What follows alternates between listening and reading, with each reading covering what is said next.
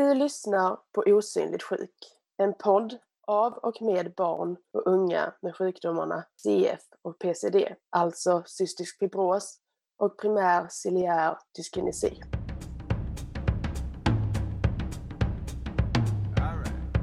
Podden heter ju ändå Osynligt men vad, vad det faktiskt innebär. Det syns ju kanske inte utifrån utan det kanske märks mer när man har tar tabletter eller hostar eller har intravenösa kurer syns det ju framför allt. Hmm. Sitter du på bussen och harklar dig och hostar, då är, det, då är det liksom fullt normalt att folk i närheten tror att du är förkyld. Och man har inte orken och tiden till att förklara för 20 liksom ställa sig upp i bussen och förklara cystisk fibros. I det är det ju såklart en rädsla att folk ska tro att man inte vill jobba eller att man är lat eller kräsen när det gäller jobb och det har ju absolut inte med det att göra. Det känns alltid så att när man har berättat för folk så behandlar de en lite annorlunda. Inte kanske att de tycker synd om en, men ändå lite. Alltså de behandlar en annorlunda för att man är kroniskt sjuk.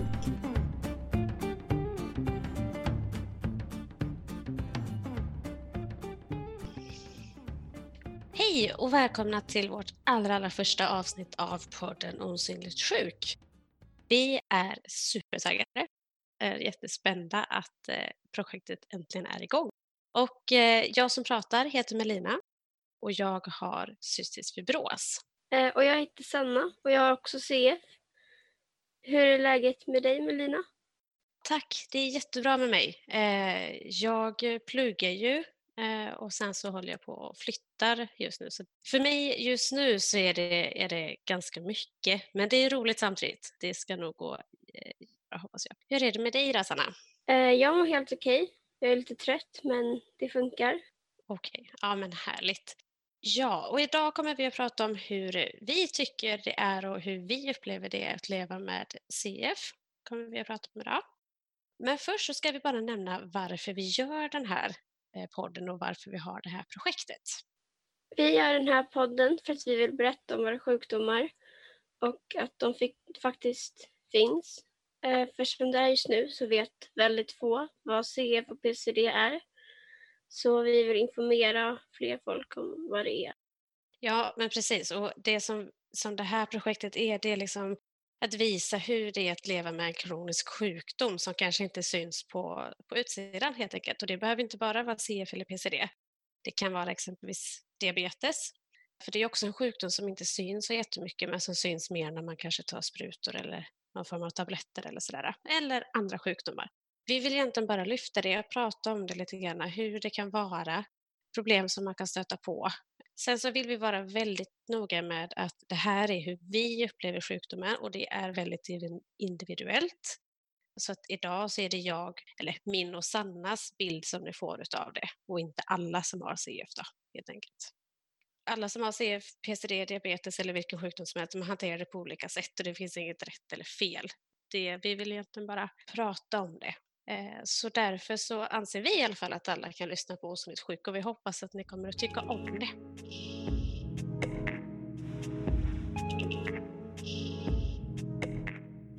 Så första avsnittet, att leva med CF, som vi kommer att prata om, är svårt.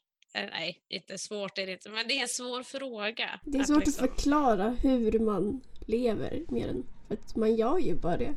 Men det är också så svårt att liksom, när man får frågan så är det precis som, som du har varit inne på Sanna, liksom, att alltså, ja, vi, har ju inte, vi vet ju inget annat.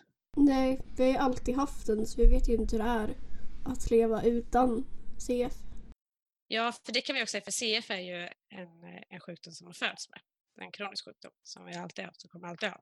Och då har man ju liksom haft det här i hela sitt liv. Jag är liksom 23 idag och har ju haft det hela tiden.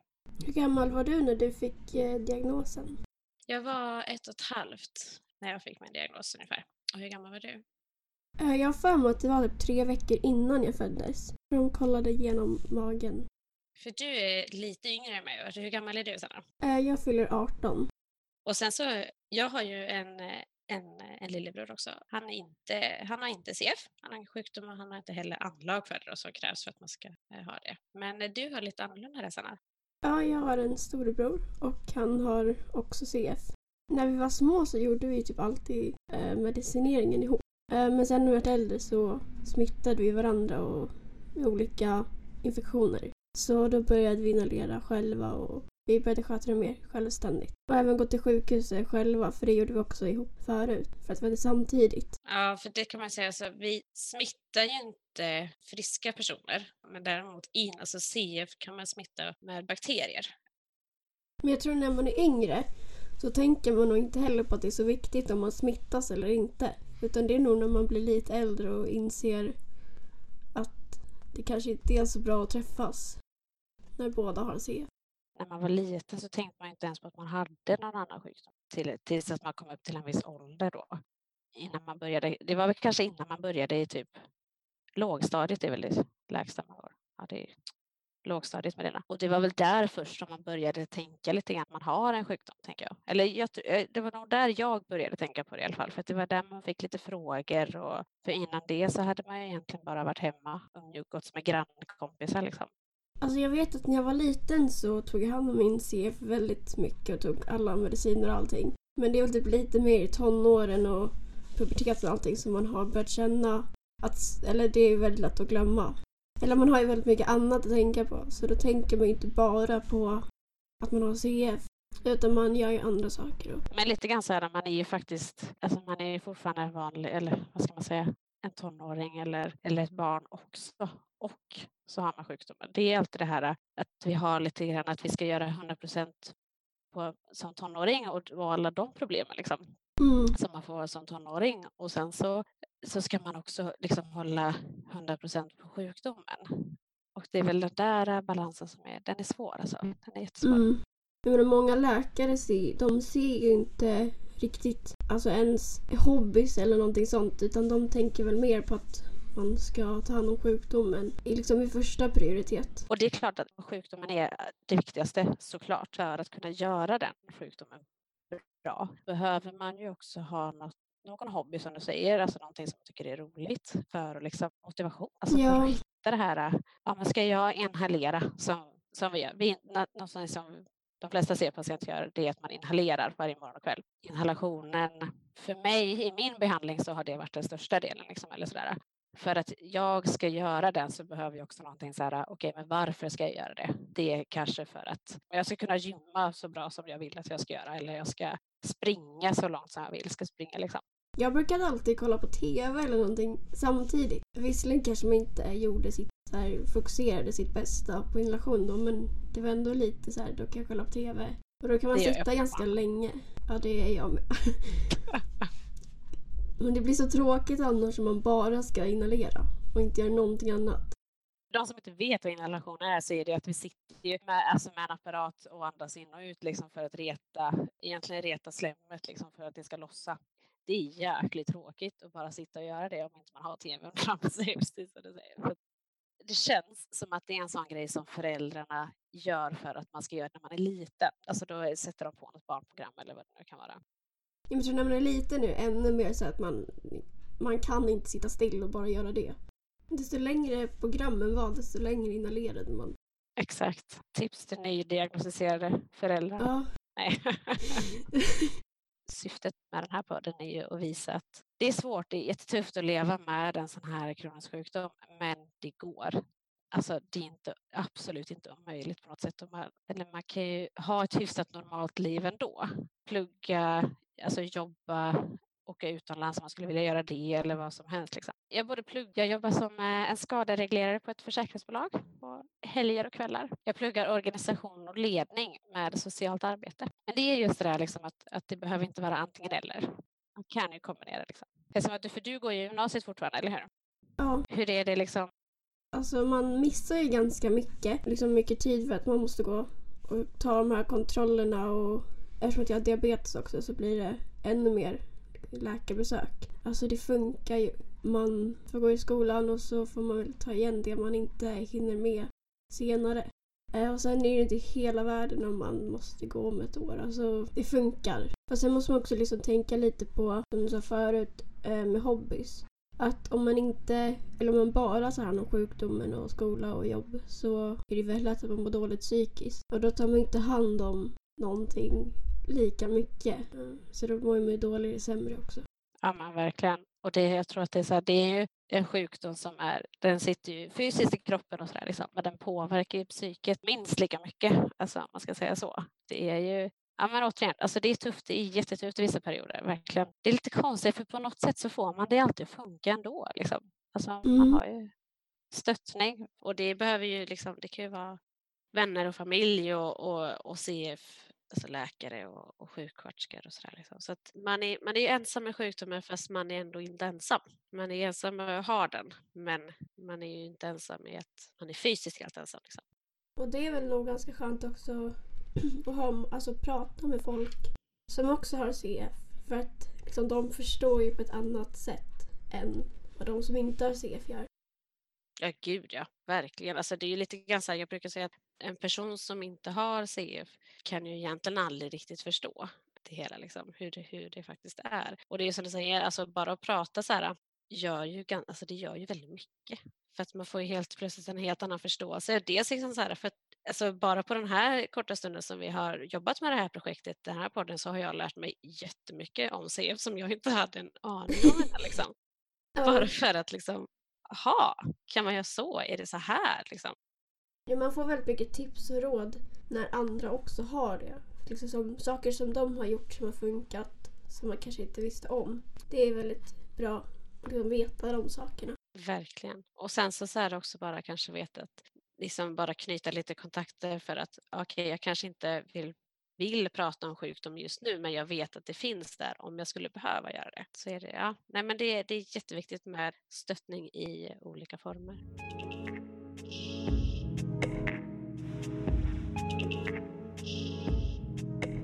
Jag tänker att vi kanske ska gå in lite grann på hur det har varit liksom när vi har varit yngre, tonåren och ung vuxen. Jag vet att jag, då gick jag ju på, på en skola, nej två olika skolor gick jag på då. Eller nej, nej jag gick ju på en skola, förlåt. ja, en skola gick jag på. Och då var det så här, då tyckte man ju nästan, eller jag upplevde så här, men det var ju nästan lite coolt att ha sjukdomen för att man var lite Mm. annorlunda. Folk kom och frågade och man kände sig lite så där, man kände sig lite speciell liksom. Ja, det kan jag hålla med om. Jag har ju alltid varit sån att mina föräldrar har ju aldrig varit på skolan och förklarat om sjukdomen utan det har ju alltid varit jag som har gjort det. Det, det kan man ju välja hur man vill göra men jag, jag gjorde alltid det själv. Mina Ja. föräldrar såklart förklarade när jag var väldigt liten för mina lärare då kanske. Men i övrigt har det alltid varit jag som har, har pratat om det. Och då vet jag i alla fall att jag pratade väldigt, väldigt gärna om det just i den åldern när jag gick på, på den skolan vet jag. Ja men det var, det var häftigt liksom. Men jag har tänkt så lite ibland typ när man har bytt skola om man ska hålla det lite hemligt typ att man inte har det. Eh, Men samtidigt kan ju det ge ganska många konsekvenser om folk inte vet varför man typ går och hostar och det är, alltså vi hostar inte riktigt normalt om man säger. Utan vi tar ju i lite eller vi har fått lära oss att ta i lite mer när vi hostar. Så folk brukar ju typ fråga om man håller på att dö eller något om man hostar men så det är ganska bra om folk vet. Ja, men verkligen. Och det, alltså just det här liksom att, att berätta eller inte berätta, så är det ju, man kan ju berätta det på olika sätt tänker jag. Alltså man kan ju Mm. liksom bara nämna för, för de närmaste man har, alltså i skolan kanske och lärarna att ja men okej, jag har sjukdomen, det kan påverka så här och så här. Men sen så behöver man inte prata så mycket mer om inte man vill göra det. Det är ju bra att folk vet om det. Tänker jag i den åldern när man är liksom, när man går i skolan så är det liksom, det är nästan lite viktigt att, att folk vet om det. Det känns alltid som att när man har berättat för folk så behandlar de en lite annorlunda. Inte kanske att de tycker synd om en, men ändå lite. Alltså de behandlar en annorlunda för att man är kroniskt sjuk. framförallt jag upplever mer att, att folk tycker synd om mig och det har jag. Jag är lite allergisk mot jag tycker inte om när folk tycker synd om mig. Därför att det är lite så här, ja visst, alltså det är, en, det är återigen tuff sjukdom och allt det där liksom. Men om någon tycker synd om mig så är det för att de ser mig så svag och det vill jag inte att de ska göra. Jag är inte svag på grund av sjukdomen, förstår du vad jag menar? Det är därför jag en del gånger har valt att inte berätta att jag har det. För just att folk... Eller för att man vill inte att folk ska behandla en annorlunda bara för det. Bara den här känslan av att bli annorlunda, eller annorlunda sedd på eller liksom sådär. Inte, det är inte roligt alltså. Men om vi går vidare lite grann till, eh, till tonåren då, hur känner du det? För där är ju du lite grann, eller ja, typ tonår nästan. Snart, Ja. snart är du därifrån. Under tonåren så är det ju väldigt mycket annat. Eh, Så då kan ju man känna att CFN kanske inte är så jättebra ibland.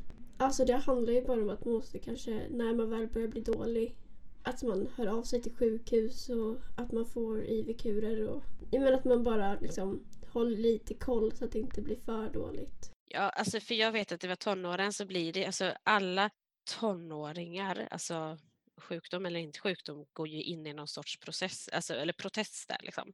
Alltså det är ju normalt. Då blir det återigen det här dubbla liksom. Ja, vi får gå in i en protest för att vi är tonåringar samtidigt som vi inte får gå in i en protest för att vi har sjukdomen som vi måste hålla hela tiden. Och då blir det det här dubbla ändå. Så jag vet att jag upplevde att just, just tonåren var jättejobbig för mig. För det var det här man ville smälta in liksom. Och då blir det väl kanske lite som du säger, man kanske inte säger det för att man liksom inte vill att det ska synas eller att folk ska veta om det.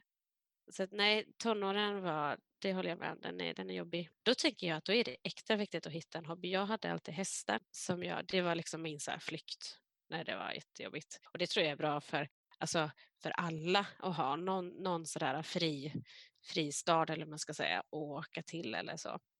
Sjuk eller inte sjuk, men framförallt kanske när man har en sån här sjukdom så är det jätteskönt. För jag kunde åka till stallet och liksom bara vara där.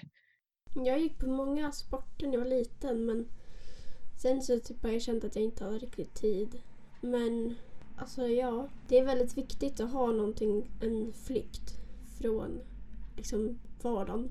Alltså jag brukar typ spela, eller inte ofta men det händer. Eh, Eller gå ut och gå eller typ åka hem till någon. För det tror jag är jätteeffektivt, för jag var också mycket så här, jag kunde bara gå ut och gå liksom. Jag hade alltid min favoritrunda som jag gick i när jag var, jag är uppvuxen lite grann ute på landet och så är det en skog, eller ja, ute i skogen liksom. Och det var liksom, jag hade en favoritrunda som jag alltid gick där. Och jag var där faktiskt bara för några, någon vecka sedan eller några veckor sedan och, och gick den rundan igen. Och det var så himla, man, alltså det var liksom, då fick man tillbaka den här där känslan som man hade när man gick den första, eller det var väldigt roligt. Vet du, ibland om jag går ut och går. Det har ju hänt några gånger att jag har svimmat i skogen på grund av diabetesen också. Så det blir ändå liksom en sak att tänka på. Så jag har oftast typ så här tagit med hunden eller gått ut med någon. Men för ibland så är det skönt att bara vara lite ensam. Då måste man ju kolla innan att man liksom har med sig någonting att äta och så att man inte är låg. Det är de där extra grejerna som man måste ha koll på. Liksom. Att, eh, ja, men som du säger, nu har ju inte jag diabetes än, men alltså bara det här att ta- komma ihåg att ta med tabletterna när man ska ut. Jag älskar ju väskor så jag byter ju väska hela tiden. Och då ska man liksom komma ihåg att byta, alltså ta med de grejerna och så ska man, alltså det är mycket så här och framförallt när man reser, då är det hur mycket som helst. Framförallt om man ska resa långt, typ utomlands, då är det så noggrant att man inte har glömt någonting. För sen om man är i ett annat land och bara, ah, jag glömde kreonen. Ja men verkligen. Det är så här, Ja. jag, jag vet att vi kommer ha ett avsnitt lite längre fram i podden om just hur det är att resa. Men det var så himla, jag måste berätta en liten anekdot. När jag åkte till Australien i ett halvår så bodde jag ju där. Och då var det så att då tog jag ju med mig mediciner för ett halvår. Hela resväskan var ju bara mediciner. Det var liksom, jag tog en bild på det. Det var helt sjukt. Och så tog jag en bild och så skickade jag till mina, mina kompisar och de bara, var, var är dina kläder? Var är dina, var är dina andra grejer? Liksom? Så det blir så himla, just en sån grej när andra, alltså typ när, när jag och min sambo ska åka iväg någonstans, han packar sina kläder, jag packar mina kläder och alla mina mediciner. Det Ja, blir liksom det här, ja jag packar det vanliga som alla tar med sig och någonting mer. ja först, alltså medicinerna kommer ju så i första prioritet. Så man packar liksom medicinerna och sen kläder sen om man vill ha någonting mer. Medan många andra bara, jag måste ha med mig de här kläderna och Ja, det är inte så att man tänker, alltså skriver ner en lista för kanske alla outfits eller kläder man ska ta med. Nej. utan Det är ju mer en så här lista för, okej, dag ett måste jag ha med det här, dag två måste jag ha med det här, de här medicinerna och liksom och sen alltid så extra. extra, en extra dos av allting ska man alltid ta med. Mm. Eh, Jag har räknat ut någon gång att jag tar ungefär 291 per dag. Men då har jag bytt från kreon till Parasite för att jag åt ungefär 30 till 40 kreon per måltid. Oj, ja. Ja, så jag bytte så nu är det väl, ja det är i alla fall 100 mindre per dag. Jag, jag, har aldrig, jag har faktiskt aldrig räknat mina så. Jag har inte riktigt så mycket, det har jag inte. Men jag äter ju fortfarande Kreon. Just när det gäller mat och, och kost och så, så har man ju alltid fått lära sig att det är mycket, man behöver mycket fett för att bukspottkörteln Ja, är oftast lite sämre. Det är ju det här för att kroppen ska ta upp fettet liksom, så är det därför vi tar enzymer och sådär också. Jag, jag har aldrig riktigt förstått varför vi måste äta så himla mycket. Alltså egentligen för att väldigt många CF är ju korta. Eh, men vi äter liksom 5-6 tusen kalorier per dag. Men jag tänker väl att det har att göra med dels eh, ämnesomsättningen och sen så bukspottkörteln, Mm. att den inte riktigt är som den ska. Vi tar inte upp så mycket fett som vi borde göra. Snillarna diskuterar CF som har den också. Ja. Jag själv har, tänker inte jättemycket på att jag ska äta mer fet mat. Kan jag inte säga att jag gör. Däremot så är det ju, alltså, det är ju alltid så här, mamma har ju alltid haft, alltså, tillagar alla maträtter med vispgrädde exempelvis och steker allting i smör och, och extra, extra smör och så här. Men det gör jag ju för att jag tycker att det är gott nu, inte för att jag måste. men just när jag kom in i tonåren så var jag väldigt så här, typ, ja men viktfixerad. Men nu är det mer så här typ, alltså nu, man räknar inte kalorier utan man äter ju det som är gott. Jag, jag har ju alltid ätit vad jag vill, alltså, så jag har inte riktigt tänkt på det så, men jag tror att det, det blir väl lite grann det här också. Det, vi har ju ofta svårt, de flesta CF-patienter har ju svårt att gå upp i vikt och, så där, och då blir det ju att man, man tänker mera på det. Jag har ju var, månadsbesök varje månad då och då väger jag ju mig alltid så att det är liksom så här, det blir alltid en vikt på den någonstans. Det är många, eller nu är jag inte det längre men under hela uppväxten så var jag väldigt undernärd. Så då tyckte väl folk att jag skulle äta mer för att jag var så smal.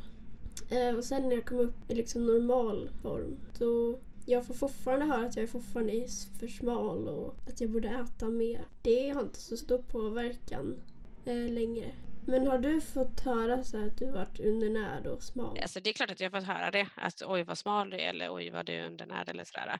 Tror aldrig att jag har varit jätte, jätte, förutom när jag var väldigt liten då, när jag var bebis liksom, vet jag inte vad det Men sen så var det ju också ett tag när jag, alltså man såg det inte när jag hade kläder på mig, men om jag tog av mig eller på sommaren eller sådär, så var, då, hade jag, då var jag väldigt sval över revbenen men så hade jag svullen mage, vilket eh, Ja, är ganska vanligt. Och det kan ju se lite märkligt ut eller sådär. man ser nästan gravid. Ja, faktiskt. Det är det säger. Och Man är ju en känslig, alltså det är jättetufft, alltså just när det gäller så här kroppsliga ideal och det är liksom det här kroppen överlag, det är svårt att få Mm. kommentarer på det. Dels är det så här, jag, jag vet att jag inte, eller att jag har svårt att gå upp i vikt och då är det jättejobbigt när någon kommer och säger till mig att ja men gud vad, vad smal du är, du borde äta lite mer. När jag vet att jag sitter och äter jättemycket hemma, helt normalt som jag bör göra men ändå inte kan gå upp i vikt. Och det är väl där lite grann det alltså, överlag är så här att, att kroppen är ju ens egen liksom. Och oftast Ja. är det ganska mycket kämpigt bakom. Alltså fo- folk tror ju att man äter jättelite. Eh, och det kanske inte skulle hjälpa om man tog en extra macka eller någonting. Alltså man äter ju fortfarande ganska mycket om man tänker vad en frisk person skulle göra. Det som jag har tyckt har varit väldigt jobbigt det är liksom mer så här det, dels att folk har sagt det och att läkarna alltid är missnöjda med att man inte har gått upp i vikt. Men sen så när man väl går upp i vikt, vilket jag gjorde under en period, så var ju alla väldigt glada. Och det var ju jag med på ett sätt, på ett sätt, men på ett annat sätt så kände jag så här, aha, fast nu har jag gått upp x antal och jag har aldrig gjort det innan. Varför gör jag det nu? Alltså då börjar man tänka lite grann, Jag hade också en sån period och det var väl typ där jag började så här att tänka att ja, nu kan jag inte äta lika mycket längre.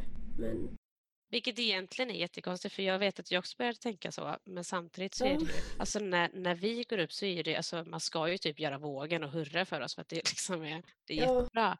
Samtidigt som, som man själv är van vid att ha en viss vikt och sen när den förändras ganska så drastiskt så blir det, alltså då blir det jättekonstigt.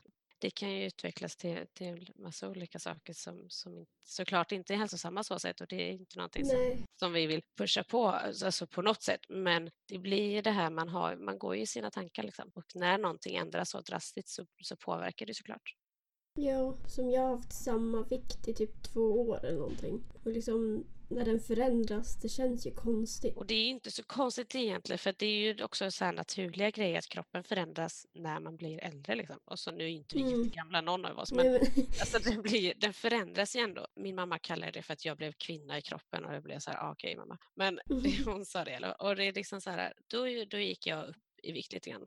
Det blev jättekonstigt för mig också för att man blir ju också så här, man grans, alltså man är ju extremt bra på att granska sig själv. Allihopa är det. Alltså, man är ju sin egen fiende, sådana grejer. Liksom. Jag tror att det är väldigt viktigt, framförallt med oss som är vana vid en vikt, att också se att okej, fast det är bra och det är positivt att liksom förändra den vikten. Liksom. Sen är ju det svårt. Det är jättesvårt. Är det.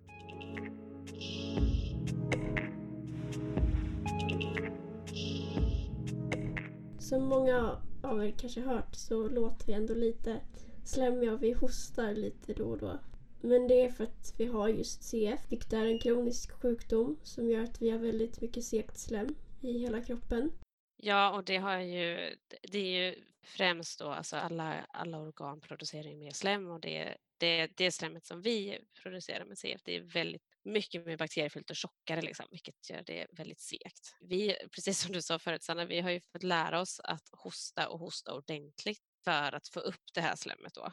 Och det är därför som vi kanske kan låta lite harkliga eller hosta till lite grann ibland och sådär. Det är det. Och sen så kan man ju påverkas lite olika av det på olika sätt. Men det är, framförallt är det hostan som man hör på oss.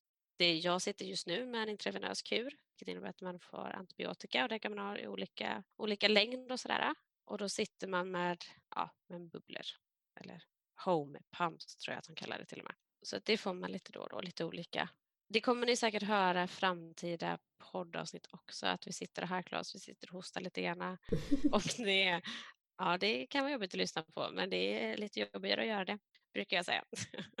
Det är så det är att leva med CF. Om inte slemmet, eller om vi inte får upp slemmet så ligger det kvar i lungorna. Och det är därför vi låter lite hesa och om det liksom samlas för mycket så eh, behöver man ju göra en lungtransplantation om det blir för dåligt. Och det är därför vi gör all den här eh, inhalationerna som vi har pratat om. Eh, just för att, att lossa och eh, ta bort slemmen i lungorna. För där ligger, det ligger ju så mycket bakterier där. Och det är ju de bakterierna som man vill ha bort. Liksom. Det påverkar ju också lungfunktionen. Eh, så ibland så är det, vissa perioder kan det vara lite jobbigt att Ja, men jag, har, jag exempelvis har ingen hiss i den här lägenheten jag bor i nu och vi bor på fjärde våningen. Och vissa perioder är det jättejobbigt att gå upp för de trapporna och vissa perioder är det lite lättare. Så det påverkar ju liksom också lungorna. Alltså, eller det påverkar lungorna med lungfunktionen. Liksom. Vi eh, svettas oftast lite mer. Det har jag alltid haft en så här komplex för. Att, alltså jag, mycket handsvett har jag och mycket fotsvett. Det låter jätteäckligt när vi pratar om det men det får ni, alla ni som lyssnar får bara vänja er vid slem och fotsvett och svett och sånt där. För det kommer vi prata mycket om. Eller kanske inte prata mycket om men, men så är det. Alltid handsvett och det har jag tyckt har varit jättejobbigt typ när man ska hälsa på ny eller gå på en arbetsintervju och Man får så. alltid så här torka av händerna först. Exakt, och man, ja, man känner sig så dum. Och sen så är det ju lite mer salt också, svettet. Vilket gör väldigt ont om man har något sår någonstans. Och det har också gjort så här att man, eller jag i alla fall, framförallt på sommaren duschar varje dag, morgon och kväll, för att Mm. liksom känna mig fräsch tror jag mest att det handlar om. Just i somras när det var så jättevarmt, då svett, alltså svetten bara rann. Man Ja, fick liksom duscha flera gånger om dagen. Ja men verkligen. Och så duscha kallt gjorde jag. Jag duschade Ja. jättemycket kallt och det var så skönt. Det blir, och det blir just de här, det blir nästan lite salt, saltpärlor pärlor på huden kan man väl säga nästan. Mm. Om, om, om svettet, det låter ju också äckligt men om det hinner torka innan man har duschat av sig. Liksom. Det blir typ som ett extra lager på huden av salt. Och sen så har vi ofta problem med bihålorna och gör operationer där. Jag, vet inte, jag tror att man kallar det på något speciellt sätt men man tömmer liksom bihålorna för att där produceras det också mycket slem liksom, så att man får ont i huvudet och eh, svårt att andas och lite sådär. Jag, jag opererades för några år sedan för det.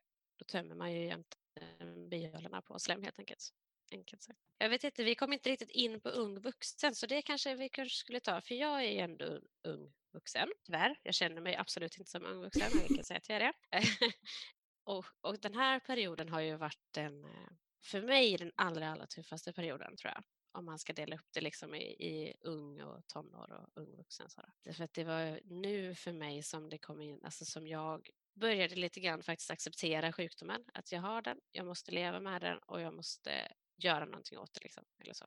Eller jag kan ju inte göra någonting åt den, jag kommer ju alltid ha den. Men eh, i den bemärkelsen att, att jag måste liksom acceptera att leva med den helt enkelt, livet ut. Och det är ju mycket nu också som man har kommit till tankar om framtid och eventuella barn och, och lite sådana grejer och då, då blir det väldigt mycket tankar om det.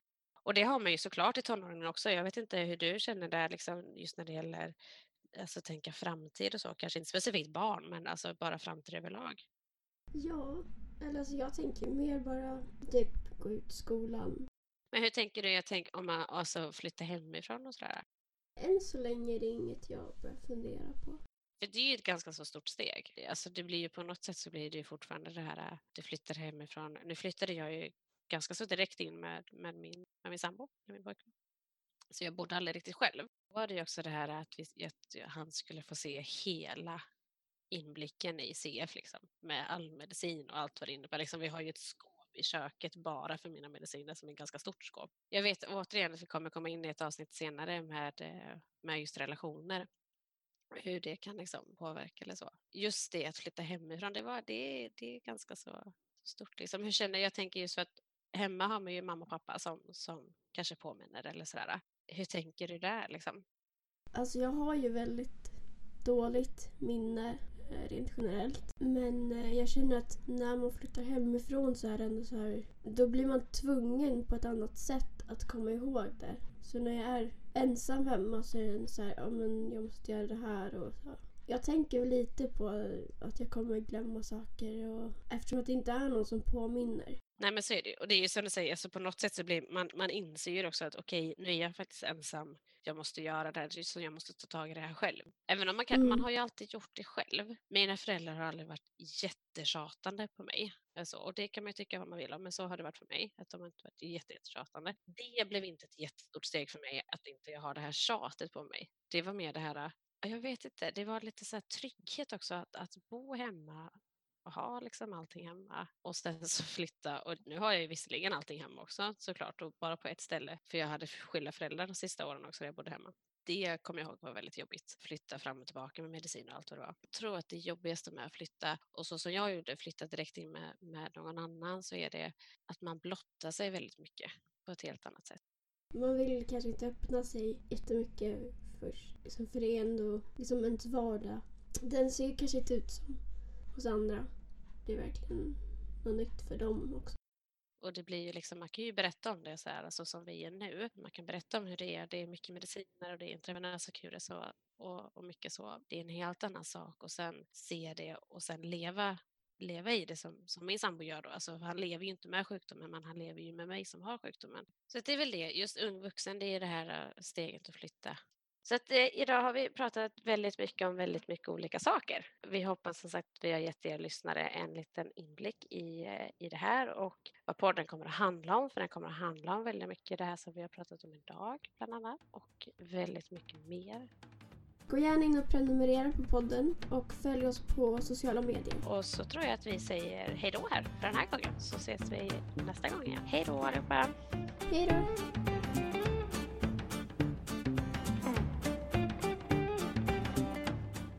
Du har lyssnat på Osynligt sjuk som finansieras av Arvsfonden och samordnas av Riksförbundet Cystisk Fibros.